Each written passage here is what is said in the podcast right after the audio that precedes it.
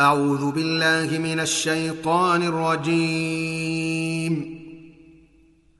بسم الله الرحمن الرحيم. الذين آمنوا وتطمئن قلوبهم بذكر الله. ألا بذكر الله تطمئن القلوب؟ الذين آمنوا وعملوا الصالحات طوبى لهم وحسن مآب. اللهم أنت ربي لا إله إلا أنت خلقتني وأنا عبدك وأنا على عهدك ووعدك ما استطعت. أعوذ بك من شر ما صنعت أبوء لك بنعمتك علي وأبوء بذنبي فاغفر لي فإنه لا يغفر الذنوب إلا أنت. أستغفر الله الذي لا إله إلا هو الحي القيوم وأتوب إليه. سبحان الله وبحمده. عدد خلقه ورضا نفسه وزنة عرشه ومداد كلماته. الله أكبر كبيرا. والحمد لله كثيرا. وسبحان الله بكرة وأصيلا. لا إله إلا الله وحده لا شريك له له الملك وله الحمد وهو على كل شيء قدير. تسجيلات مهاج مهاج تسجيلات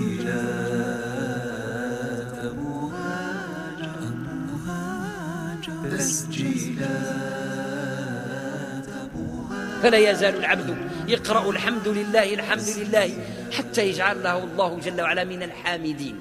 فإذا جعلك بنوره وإذنه فأكرم بها من نعمة وأكرم بها من صفة وأكرم به من مقام عال عال رفيع. الذكر بالقرآن الكريم كيعطي هذه الحقائق الإيمانية ويبين لك هذا المسلك. اللي ما كاينش شي مسلك أخسر منه ولا أضمن منه غير الوصول إلى الله جل وعلا. يكذب عليك الكذاب. إلا يقول لك شي مذهب ولا شي منهج ولا شي طريق ولا شي حاجة توصلك لله بالضمان وبالاختصار. جوج حوايج. الضمان ما تلفش. لأن كثير هي المناهج والطرق اللي كيمكن توصل لله عز وجل. ولكن معرضة للتلف. يمكن تضل. يمكن تجليك. القرآن عمره ما يجليك. هدى هدى للمتقين. غير جيب الصدق ديالك. ما عمرك ما تلف ولا تجلى ولا تودر في القرآن الكريم. فهو مضمون. الوصول إلى الله بالقرآن مضمون. ثم مختصر. قريب. لحظات سويعات. حقق الصدق. فإذا بك بين يدي الله بباب الإذن بباب الرحمة.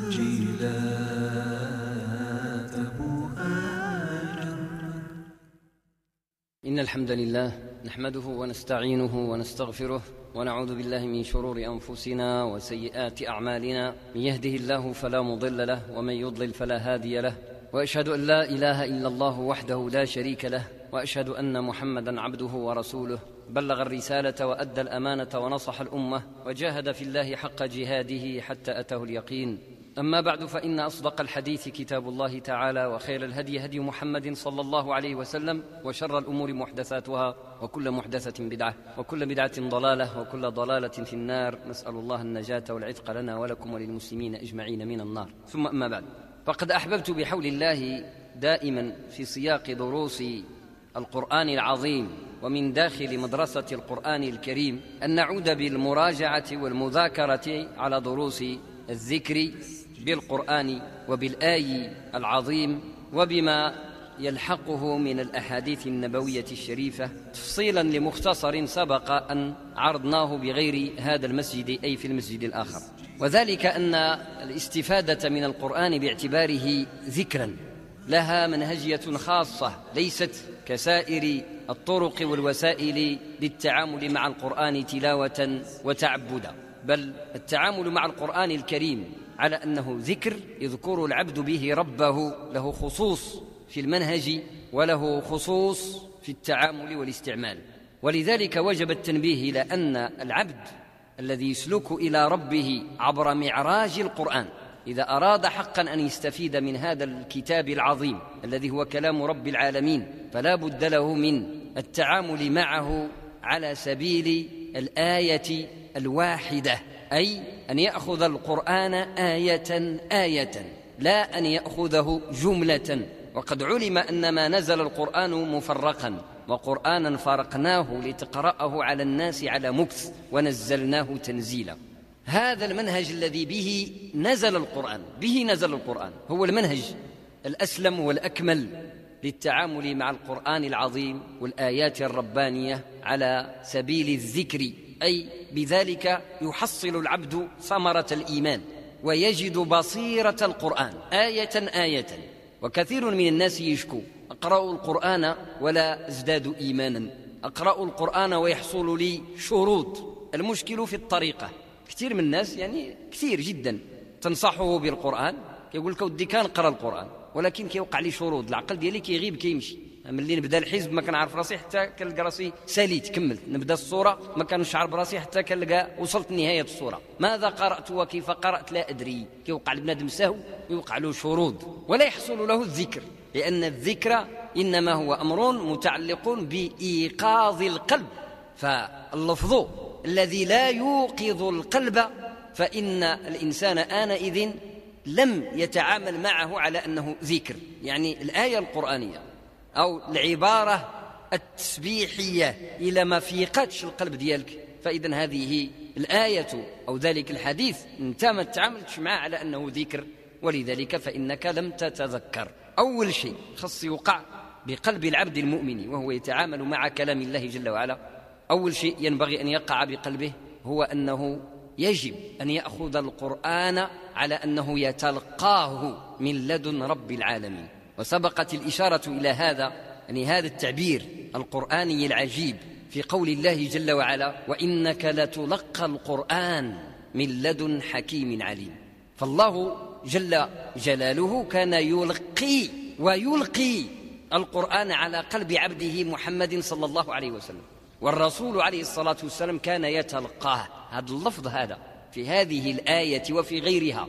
مفتاح هو الساروت ديال الذكر باش تتعامل مع القرآن الكريم على أنه ذكر. لما تدخل من هذا الباب ستجد القرآن قد انفتحت أبوابه على حقائقه الإيمانية. ستصبح آنئذ تجد المشاهدات القرآنية من الحقائق الإيمانية تسري من الآي إلى قلبك بشكل مباشر. وهذا هو المنهج اللي رب العالمين أعطى به القرآن سيدنا محمد عليه الصلاة والسلام. وإنك لتلقى القرآن لتلقى القرآن من لدن حكيم عليم جل وعلا. وهذا المنهج هو الذي تعامل به رب العزة مع سائر الأنبياء منذ نزول الكلمات الأولى كلمات التوبة التي سبق أن بينا فيها تفصيلا في هذا المسجد على آدم عليه السلام حينما قال جل وعلا فتلقى آدم من ربه كلمات فتاب عليه إنه هو التواب الرحيم.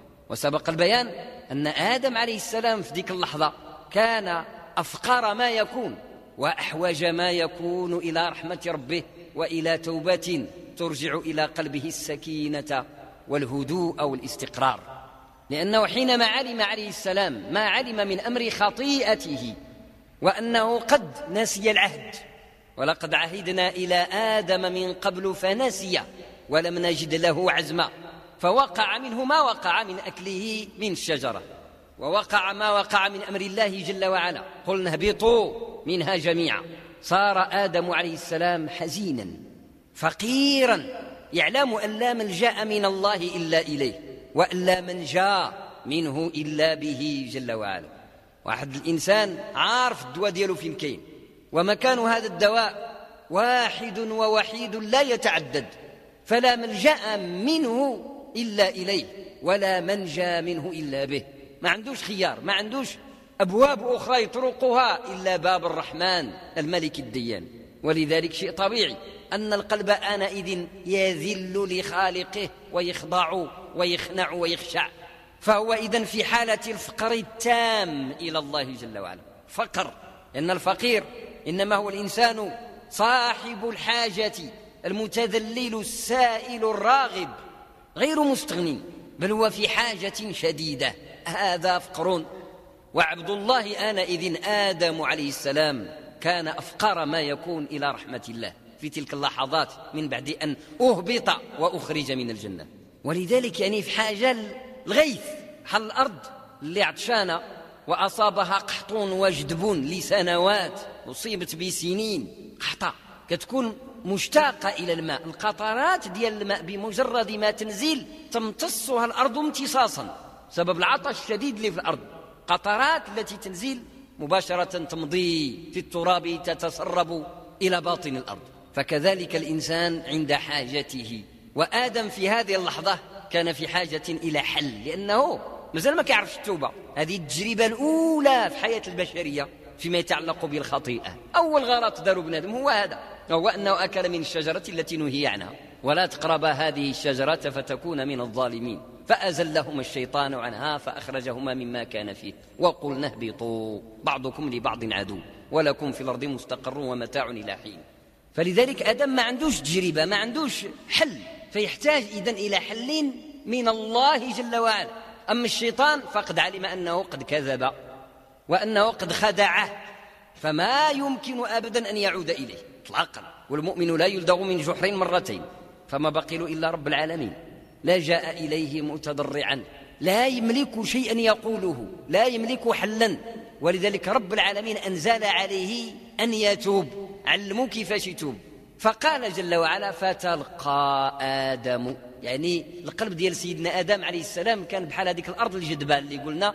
يعني عطشانة. طاحت القطرات ديال التوبة على قلبه والكلمات ديال التوبة على قلبه بحال المطار ديال الرحمة. فتلقى. ولذلك عبر القرآن الكريم بهذه العبارة ديال التلقي فتلقى. كيتسناها كان ينتظر. محتاج. فتلقى.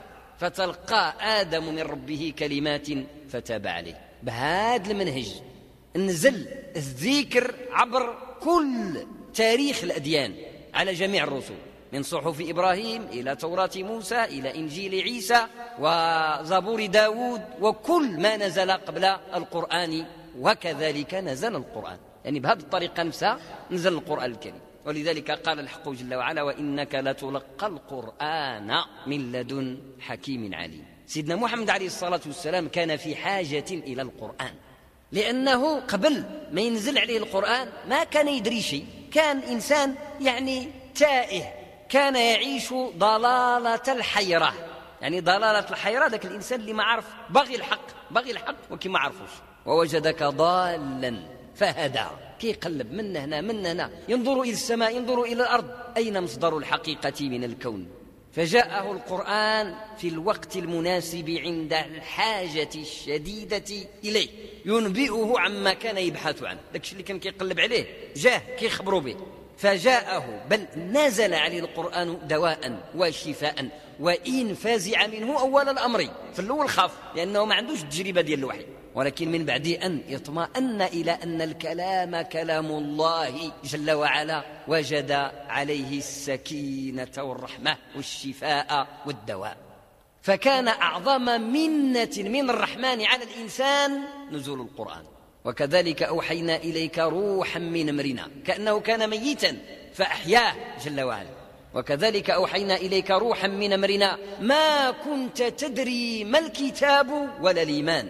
ما كان يدري شيئا من هذا. ولكن جعلناه نورا نهدي به من نشاء من عبادنا. وإنك أي يا محمد عليه الصلاة والسلام وإنك لتهدي أي بهذا القرآن وإنك لتهدي إلى صراط مستقيم. فأخذ القرآن يجب اللي بغى يتذكر بالقرآن وينزل عليه القرآن على قلبه رحمة يدخل له في النفس ديالو على أنه روح يجدد له الحياة ديالو ويبدأ يشوف بعيون بصيرته حقائق الإيمان من كل آية آية من كتاب الله. من أراد هذا فعليه أن يقرأ القرآن بل أن يتلقاه أو أن يقرأه على سبيل التلقي كما تلقاه سيدنا محمد عليه الصلاة والسلام. وإنك لتلقى القرآن من لدن حكيم عليم. وبحول الله سنبين كيف. وقد امتن الله جل وعلا على محمد عليه الصلاة والسلام وعلى المسلمين أجمعين بهذا. وأيضا قال الحق جل وعلا إنا سنلقي عليك قولا ثقيلا. والقول الثقيل قطعا وطبعا هو القرآن العظيم. قول ثقيل لأن كل لفظة منه تحمل من المعاني الربانية. ما لا طاقة للعقل البشري على استيعابه كاملا كل كلمة من القرآن فيها الكنوز من المعاني الربانية والحقائق الرحمانية الشيء اللي العقل ديال بنادم ما عندوش القدرة يستوعبه كامل. وإنما تأخذ منه على قدر صفاء قلبك واستعداد حاجتك وصدقك. كل واحد كيأخذ على حساب جهده هو. وعلى حساب الصدق ديالو والصفا ديالو مع الله تعالى. كيعطيه رب العالمين من المعاني والحقائق القرآنية. وهذا واضح جدا في كثير من الآي القرآني صراحة أو ضمنا من مثل قوله جل وعلا ولو أن ما في الأرض من شجرة قلام والبحر يمده من بعده سبعة أبحر ما نفدت كلمات الله. إن الله عزيز حكيم. ولو أن ما في الأرض من شجرة قلام والبحر يمده من بعده سبعة أبحر ما نفدت كلمات الله. يعني تخيل بالعقل ديالك لو أن الغابات ديال الكرة الأرضية كلها. يقبطوها الناس ويبردوها وينجروها قلومة. الغابات. يتنجروا قلومة. يعني العقل والخيال ما عندوش القدرة يستوعب العدد ديال القلومة اللي غادي يطلعوا. ولو أن ما في الأرض من شجرة أقلام. هذه الأقلام. قلت العقل لا يستطيع أن يستوعب إحصاء لعدد الأقلام الذي ينتج من بري الأشجار في الأرض أقلاما. ثم المداد. المداد باش غادي نكتبوا والبحر يمده من بعده سبعة أبحر. يتحول البحر ديال الكرة الأرضية كله مداد. وهذا البحر الذي في الأرض ممدود عنده روافد بحرية أخرى كتصب فيه. كم؟ سبعة أبحر. والسبعة في العربية عند العرب لما تجي بحال هذا السياق ديال التكثير. يعني العرب لما يتكلموا في سياق التكثير يعني المعنى ديالو يقول لك شي حاجة كثيرة. كيقول سبعة كيعبر بسبعة ولا بسبعين ولا سبعة وسبعين. ماشي كيقصد راه سبعة واحد اثنين ثلاثة أربعة خمسة ستة سبعة لا. كيقصد يعني عدد كثير لا يحصى. كيسميه سبعة. يمده من بعده سبعة أبحر. ما نفدت ما كتسالاش ما كتكملش كلمات الله. لأنه لا تنحصر ولا تعد ولا تحصى. مع أن القرآن إلا بغينا نحسبوه كلمة كلمة نحسبوه هما حسبوا الحروف ديالو العلماء حسبوا الحروف حرف حرف حاسبينه ما يقد حد يزيد حرف في القرآن ما يقد ينقص. فدل ذلك على أن كل كلمة من القرآن لا تنفذ معانيها بهذا المعنى. تشد كلمة واحدة لفظة لفظة الحمد من سورة الحمد أو لفظة الرب أو لفظة الحكمة أي كلمة من القرآن خذها. وتبغي تطلع المعاني ديالها تبدا تاخذ تاخذ من الأجيال منذ أن بدأ التفسير. من عهد الصحابة والتابعين ومن تبعهم إلى يوم الناس هذا وإلى آخر من يكون على وجه الأرض. لن يأخذ من بحر تلك الكلمة إلا كما يأخذ طائر البحر إذا أمسك سمكة أو قطرة من البحر. فماذا يأخذ؟ لا شيء. سيدنا موسى عليه السلام لما سولوه بنو إسرائيل قالوا ليه من أعلم الناس؟ شكون هو العالم ديال الناس؟ قال لهم أنا. فرب العالمين أراد أن يؤدبه وأن يعلمه بأن لا يقول أنا. مرارا تكلمنا على هذا أنا ما كيبغيهاش الله سبحانه وتعالى. وسيدنا محمد ما كانش كيبغيها. لأن اللي قال أنا في الأول هو إبليس. أنا خير منه. وفيها الأنانية. فقال له الرب جل وعلا بلى يا عبدي هنالك من هو أعلم منك. كاين واحد أعلم منك. قال له يا ربي نمشي نتعلم. فأرسله إلى الرجل الذي تعلمون الخضر عليه السلام في القصة اللي في سورة الكهف. نجيب الشاهد القصة طويلة وتعلمونها من سورة الكهف. لما ركب لما ركب سيدنا موسى مع الخضر في السفينة يعني كيمشي القضية ديال الحدث. خرقها فقال أخرقتها لتغرق أهلها لقد جئت شيئا امرا هذا حدث لا حدث آخر. ما كاينش في القرآن كاين في الحديث. الخضر عليه السلام انتبه لواحد الطير جاء وحط في ديك السفينة حط في واحد العود من العيدان ديال السفينة. وضرب في البحر طيور اللي كتصيد الحوت أو تصيد بعض الحشرات البحرية وخطف شي خطفة. طلع واحد القطرات ديال الماء ديال البحر من المنقار ديالو طاحوا قال له الخضر قال لسيدنا موسى قال له شفت هذا الطير هذا؟ نقر هذيك النقره في البحر شحال هز ديال الماء؟ والو. قال له فكذلك علمي أنا وعلمك أنت من علم الله جل وعلا لا يبلغ ما أخذ هذا الطير من البحر من الماء. ولذلك قال الحق جل وعلا ولو أن ما في الأرض من شجرة قلام والبحر يمده من بعده سبعة أبحر ما نفدت كلمات الله. إن الله عزيز حكيم. قل لو كان البحر مدادا لكلمات ربي ما نفدت كلمات ربي ولو جئنا بمثله مددا كلمات الله عميقة بعيدة ضاربة في عمق الغيب. هي ما جاياش من تجربة بشرية. سبحان الله ولا من أفكار ولا من تجارب ولا من لغة عادية. بل كلمات الله مصدرها الغيب من اللوح المحفوظ. المحيط بكل شيء في العالمين. من ثم جاء القرآن الكريم. فهذا الكتاب العظيم رسالة الله إلى الناس. يعني كنز كنز عظيم. والله إن المتدبر في القرآن وفي آياته حينما يبصر مثل هذه الحقائق لا يأسى ويأسف. بنادم يجيه الأسى ويجيه الأسف أنه ما يمكنلوش يعني يتعمق في القرآن بالشكل اللي يروي العطش نظرا لأنه العمر ما كيكفيش. حقيقة إذا كان هذا الكتاب من هذه الطبيعة ومن هذا الشأن فأي عمر يكفي لهذا؟ يكفيش عمر بن آدم. ولذلك أمرنا أن نأخذ من القرآن على منهاج رسول الله عليه الصلاة والسلام ما يغذي لطائف النفس. راه النفس الإنسانية عندها أجهزة ديالها. خص شيء بنادم يكون مادي بدا يشوف الجسد ديالو بحال واحد الميكانيك. أبدا. هذاك ظاهر الوجود البشري. أما العمق والحقيقة والجوهر ديال الوجود البشري فهي نفسك التي بين جنبيك. وهذه النفس لها لطائف. لطائف يعني الأجهزة ديالها كما أنه البدن ديالك حتى هو عنده أجهزة عنده الجهاز الدموي عنده الجهاز الهضمي الجهاز التنفسي حتى النفس عندها الأدوات ديالها. وهذه الأدوات حتى هي خصها التغذية خصها دم دم يغذيها. كما أن الدم في الجسم يغذي كل الكيان المادي اللحمي العظمي العضلي إلى آخره من الجسم البشري. فكذلك النفس تحتاج إلى غذاء. يغذي لطائفها باش تخدم الأدوات ديالها. ما تبقاش اللطائف ديالك معطلة. ولذلك تجد الإنسان لا يبصر ولا يسمع ولا يتذوق. عينيه محلولين ولكن لا يبصر. ودنيه يسمع ولكن لا يسمع. واللسان ديالو ذواق ولكنه لا يتذوق. لأن أجهزة النفس الذوقية من السمع والبصر والفؤاد كل ذلك عنده معطل بسبب الران أي الوسخ من الذنوب. الزفت ديال الذنوب كيتجمع يسد ويختم على الأبصار وعلى الأسماع صم بكم عمي فهم لا يرجعون. هذا حال الكفار أجمعين مع الأسف وحال كثير من المسلمين مع الأسف. فإذا التغسيل لهذه الأجهزة إنما يقع بغذاء الروح وغذاء النفس وهو القرآن العظيم هو الذكر. لا بد للمؤمن أن يكون ذاكرا لله الصباح والمساء. باش يطهر الأدوات ديالو ويدير الصيانة للطائف النفسية. وإلا بغير هذه الصيانة حتى ولو كانت مشتغلة صالحة مع المدة كتعطل عن العمل كأي أدوات من العالم المادي. إلا خليتها ما خدمتهاش وما نظفتهاش تجي تلقاها صدات. بقات صالحة للإعمال ولا للاستعمال. ورب العالمين لحكمة عظيمة.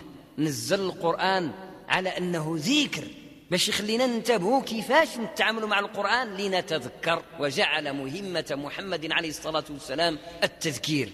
فذكر إنما أنت مذكر لست عليهم بمسيطر. ومن هنا عندنا آية عظيمة في كتاب الله جل وعلا هي قوله سبحانه وبالحق أنزلناه وبالحق نزل وما أرسلناك إلا مبشرا ونذيرا. وقرآنا فرقناه لتقرأه على الناس على مكث ونزلناه تنزيلا. هذه آية واضحة جدا في المنهج الذي به أنزل الله القرآن. نزل رب العالمين القرآن من عنده. لسيدنا محمد عليه الصلاة والسلام بجوج ديال المراحل وبجوج ديال الطرق. وحدة الطريقة الأولى كتتعلق بالقدر الإلهي الذي لا يعلم الإنسان منه حكمة إلا ما أشار إليه القرآن الكريم إشارة. بل حكمه على الإجمال مغلقة. هي عند الله جل وعلا. واحد النزلة ديال القرآن بلادم ما عارف عليها والو. طبيعتها كيفاش دايرة؟ لا نعلم عنها شيئا. هي في علم الله وحده وحكمها عنده وحده. والنزلة الثانية ديال القرآن أو الطريقة الأخرى ديال نزول القرآن رب العالمين أعطاها لنا. أي أعطانا حكمتها. لأن المقصود بديك النزلة الثانية باش يستفدوا الناس. ولذلك ما يمكنلكش تستفد من واحد الحاجة ما كتعرفهاش. فعلمنا الله ذلك تعليما. النزلة الأولى هي إنزال القرآن من عند رب العالمين إلى السماء الدنيا وهو نزوله في ليلة القدر وهو قول الله جل وعلا إنا أنزلناه في ليلة القدر وفي الآية الأخرى في ليلة مباركة هذا الإنزال نزل القرآن من عند الله. للسماء الدنيا. عبر السماوات السبع نزل كامل.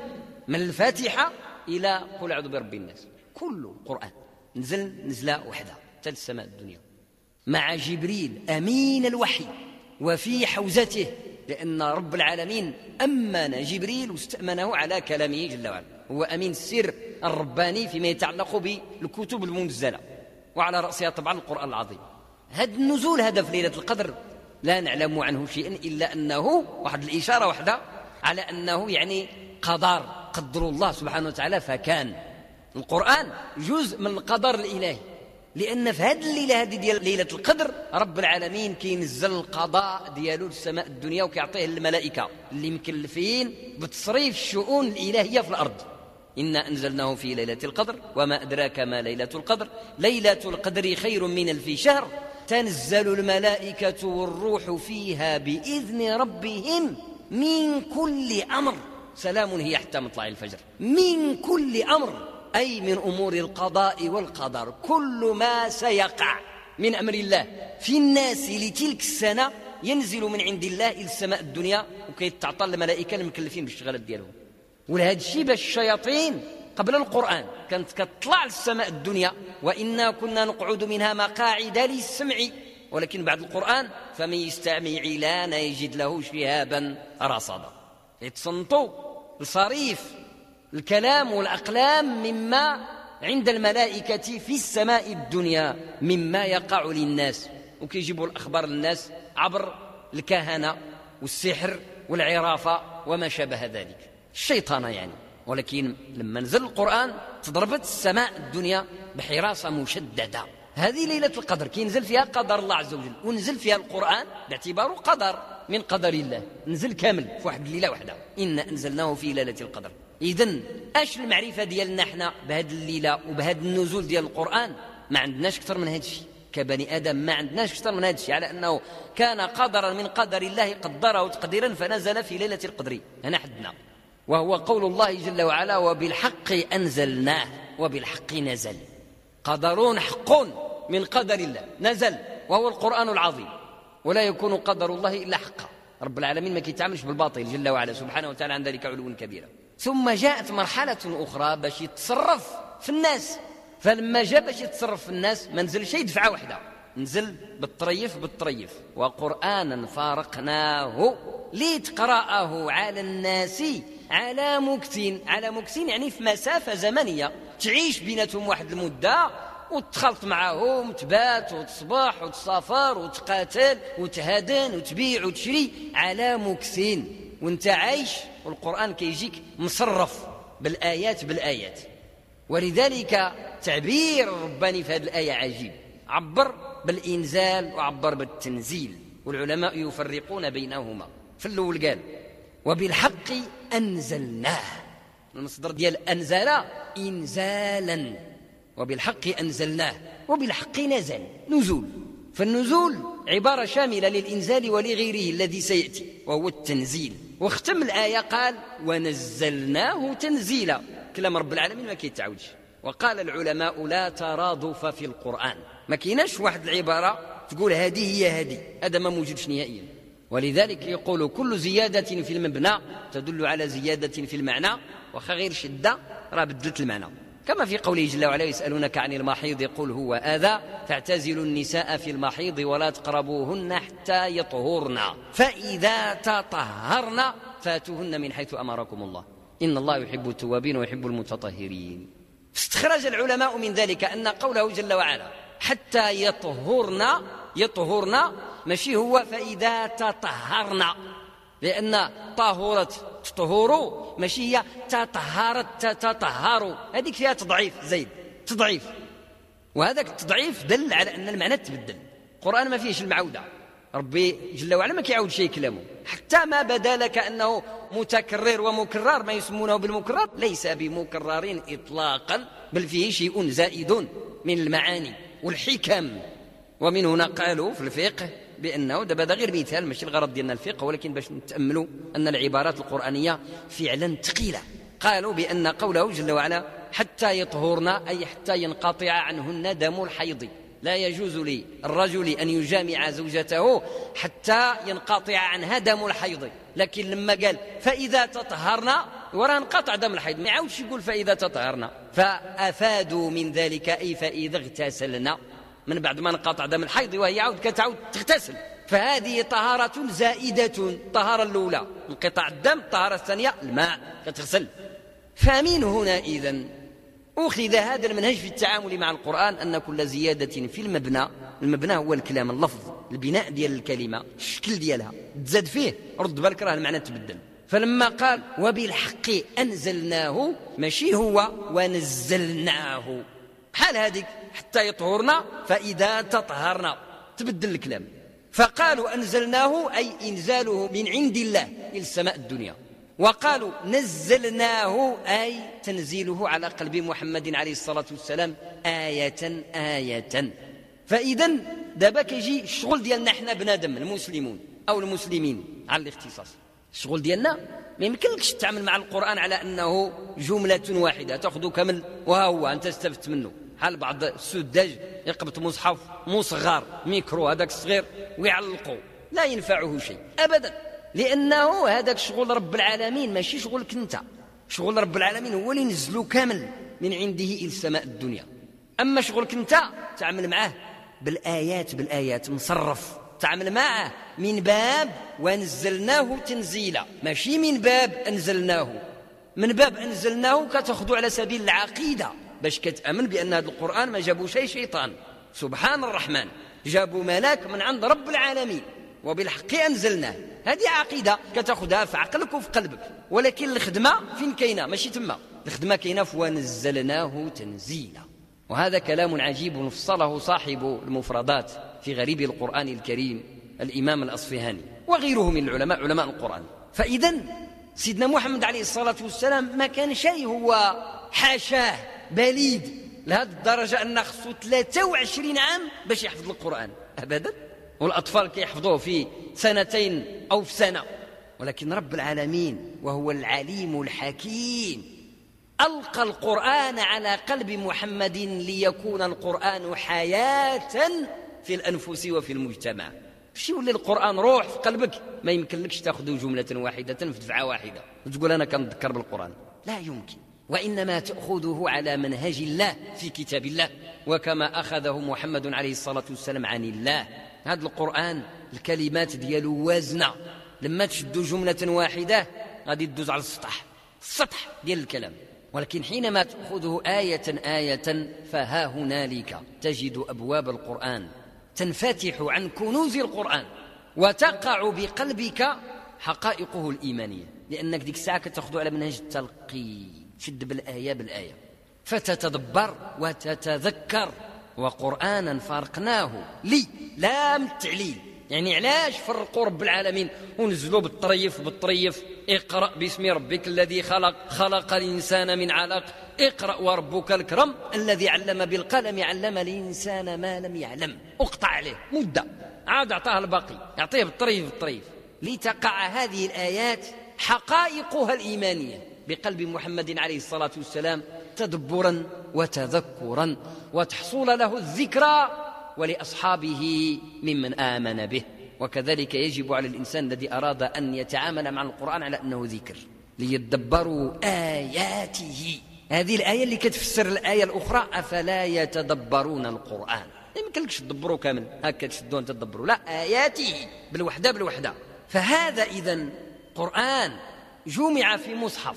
نعم ولكن انت باش تدخل المملكة القرآنية وتستافد من الكنوز والحقائق الإيمانية وجب إذا أن تتعامل مع القرآن آية آية ولا تخرج عن آية حتى تتذوق نعمة الذكر من الآية الأولى. ولذلك إذا سنشرع بحول الله جل وعلا وبمشيئته سبحانه في حلق من مدارسة القرآن على سبيل الذكر. تطبيقا. إن هذا الكلام كيبقى نظري إذا لم يكن له أو لم تكن له نماذج تطبيقية فلا يدرى له مسلك عملي. فسنأخذ نماذج تطبيقية بحول الله من الصور والآيات التي أشار رسول الله عليه الصلاة والسلام إلى أصحابه والمسلمين أجمعين أن تتخذ ذكرا أو اورادا ذكرية تتلى صباح مساء من أوراد الصباح والمساء. باش نحاولوا نتعلموا فعلا كيفاش نستفدوا من القرآن في الحياة ديالنا.